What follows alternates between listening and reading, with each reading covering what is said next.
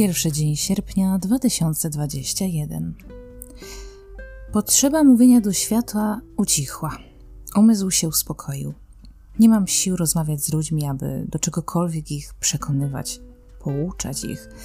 Nie chce mi się w ogóle zwracać na to uwagi. Każdy żyje swoim przecież życiem. Nawet ta potrzeba wynikająca z troski przecież, kiedy powtarza się własnemu rodzicowi, aby robił to, nie robił tamtego, gdzieś uleciała. Bo przecież nie mam wpływu na zupełnie, zupełnie nikogo. Mogłabym codziennie powtarzać to samo, tracąc przy tym własną energię, tak jak robiłam czasami to dotychczas. Pytanie tylko po co? Mogę jedynie świecić własnym przykładem i opowiadać o swoich przygodach, jak ostatnio babci i dziadkowi.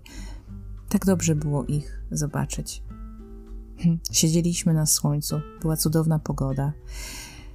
Jadłam czereśnie i było mi tak naprawdę dobrze. Kochałam tamten moment i kocham wspomnienie o nim. Spokojne ciało, spokojny umysł, mruczący, dziki, brudny, bezdomny kotek, brzęcząca pszczoła. Tak odpoczywam najlepiej. Gdzie mogę znaleźć takie miejsce dla siebie na świecie?